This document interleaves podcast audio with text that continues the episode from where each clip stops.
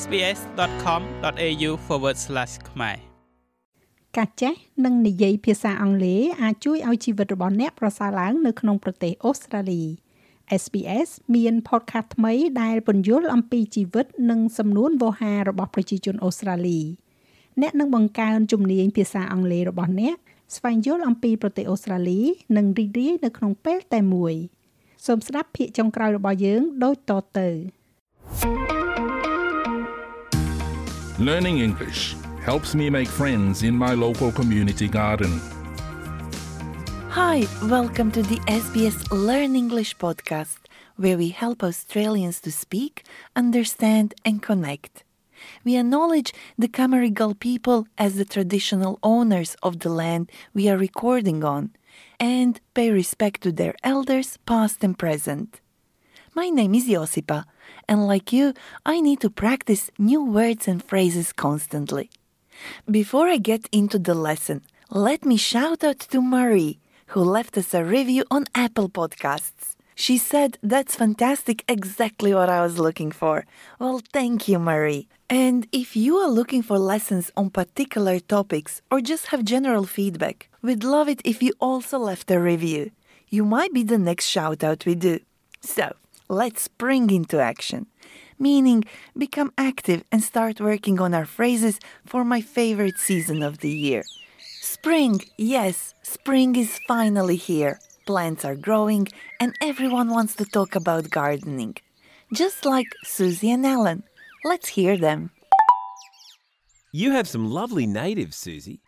Where will you put them? They need partial sun and they'll make a lovely ornamental garden. So I was thinking in this corner here. I love natives because they're low maintenance and not too thirsty. That's good for me because I don't have a green thumb. Alan asks Susie about her native plants. Native animals or plants, like Australia's national flower, the golden wattle, are indigenous to a place. Or plants can be introduced, which is when a species is accidentally or deliberately brought into an area.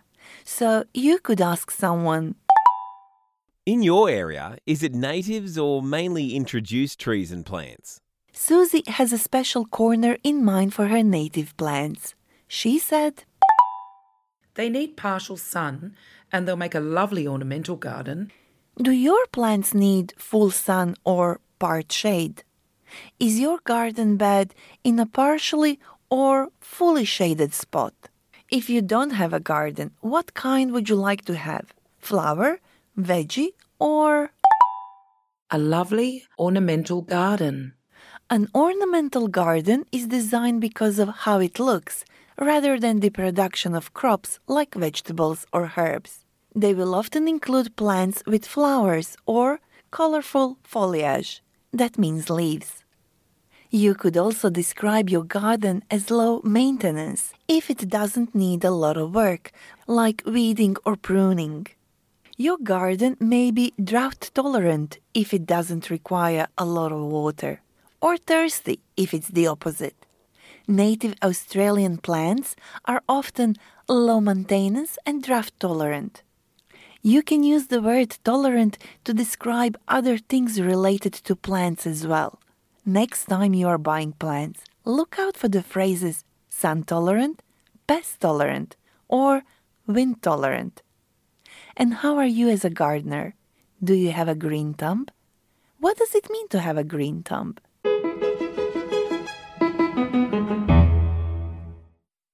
I don't have a green thumb, unfortunately.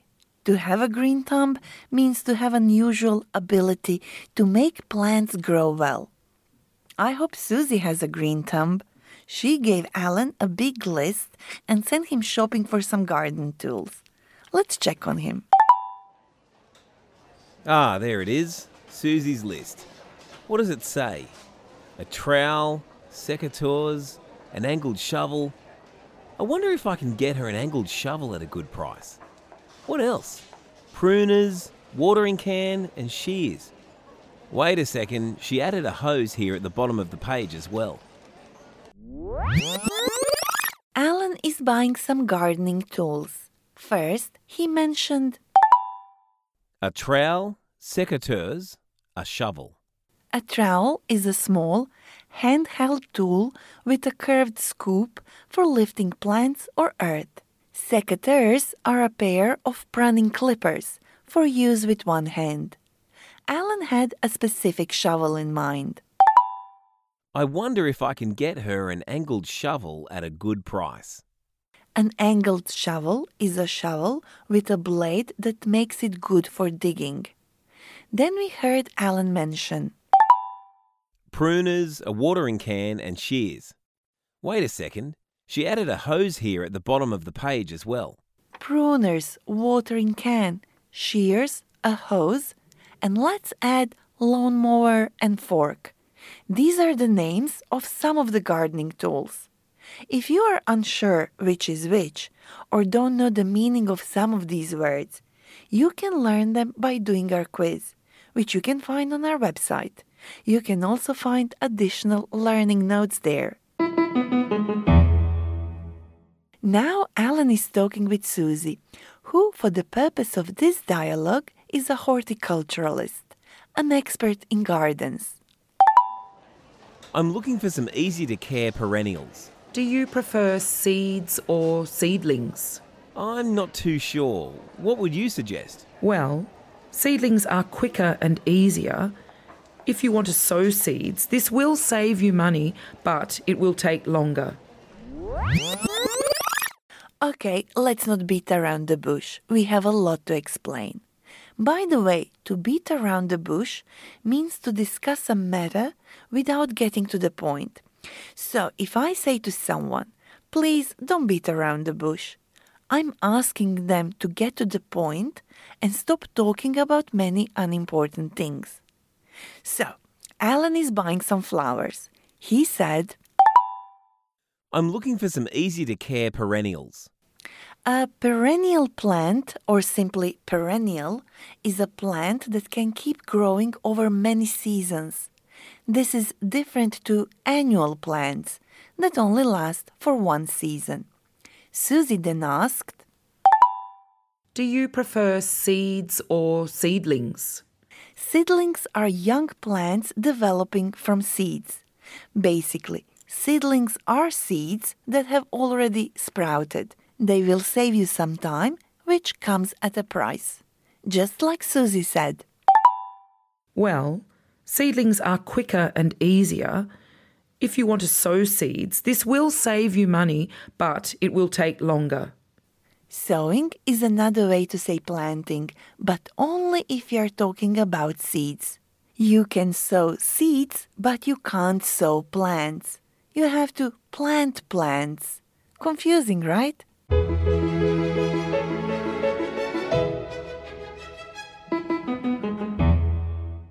My guest today is Anne Wu from SBS Vietnamese. Hi, Anne. Thanks for joining the show. It's great to be here.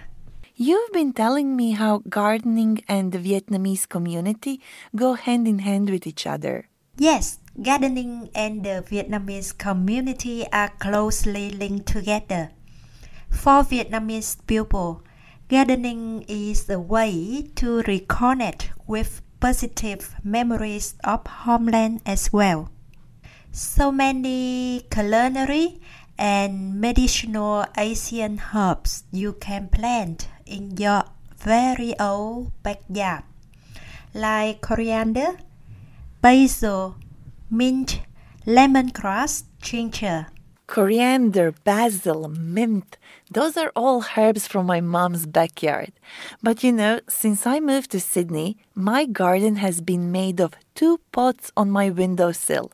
You suggested I search for a community garden near my home?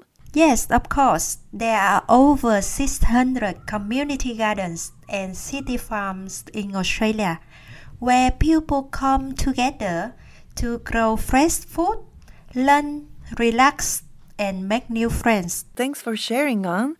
Now all I need to do is find a community garden near me. That's easy. You just visit the communitygarden.org.au website and you can join Australia's thriving garden community in a second. In the meantime, let's repeat useful phrases from this episode. See if you can answer the question before hearing the answer. What does it mean to spring into action?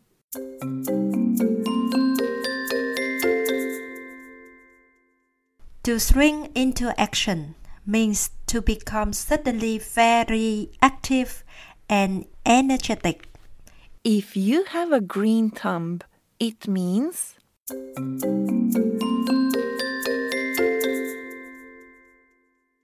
It means you are particularly good at growing plants. we heard different questions we can ask about gardens. Do you have natives or mainly introduced plants in your garden? Do your plants need full sun or part shade? Is your garden bed in a partially or fully shaded spot? Is your garden flower, veggie, or ornamental? Do you prefer seedlings or seeds? We also heard some different phrases we can use when talking about gardening. My natives will make a lovely ornamental garden. I need to buy a trowel, secateurs, and one angled shovel. I'm looking for some easy to care perennials. I hope we've inspired you to spring into action and use your English in the garden. Before that, you might want to head to the sbs.com.au slash learn English website because there you can find additional learning notes and transcripts. There you can also find a new series all about Australian wildlife. And this might be especially interesting to our listeners who have backyards.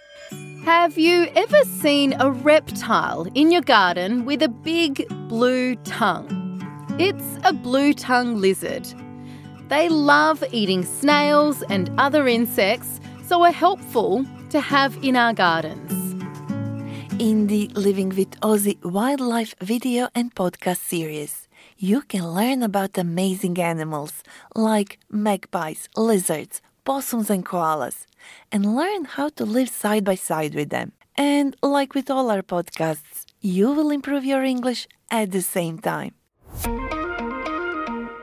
Once again, a big shout out to Marie who left us a review on Apple Podcasts. We'd love to hear from you as well. What topics would you like to hear about? Reach out on Facebook.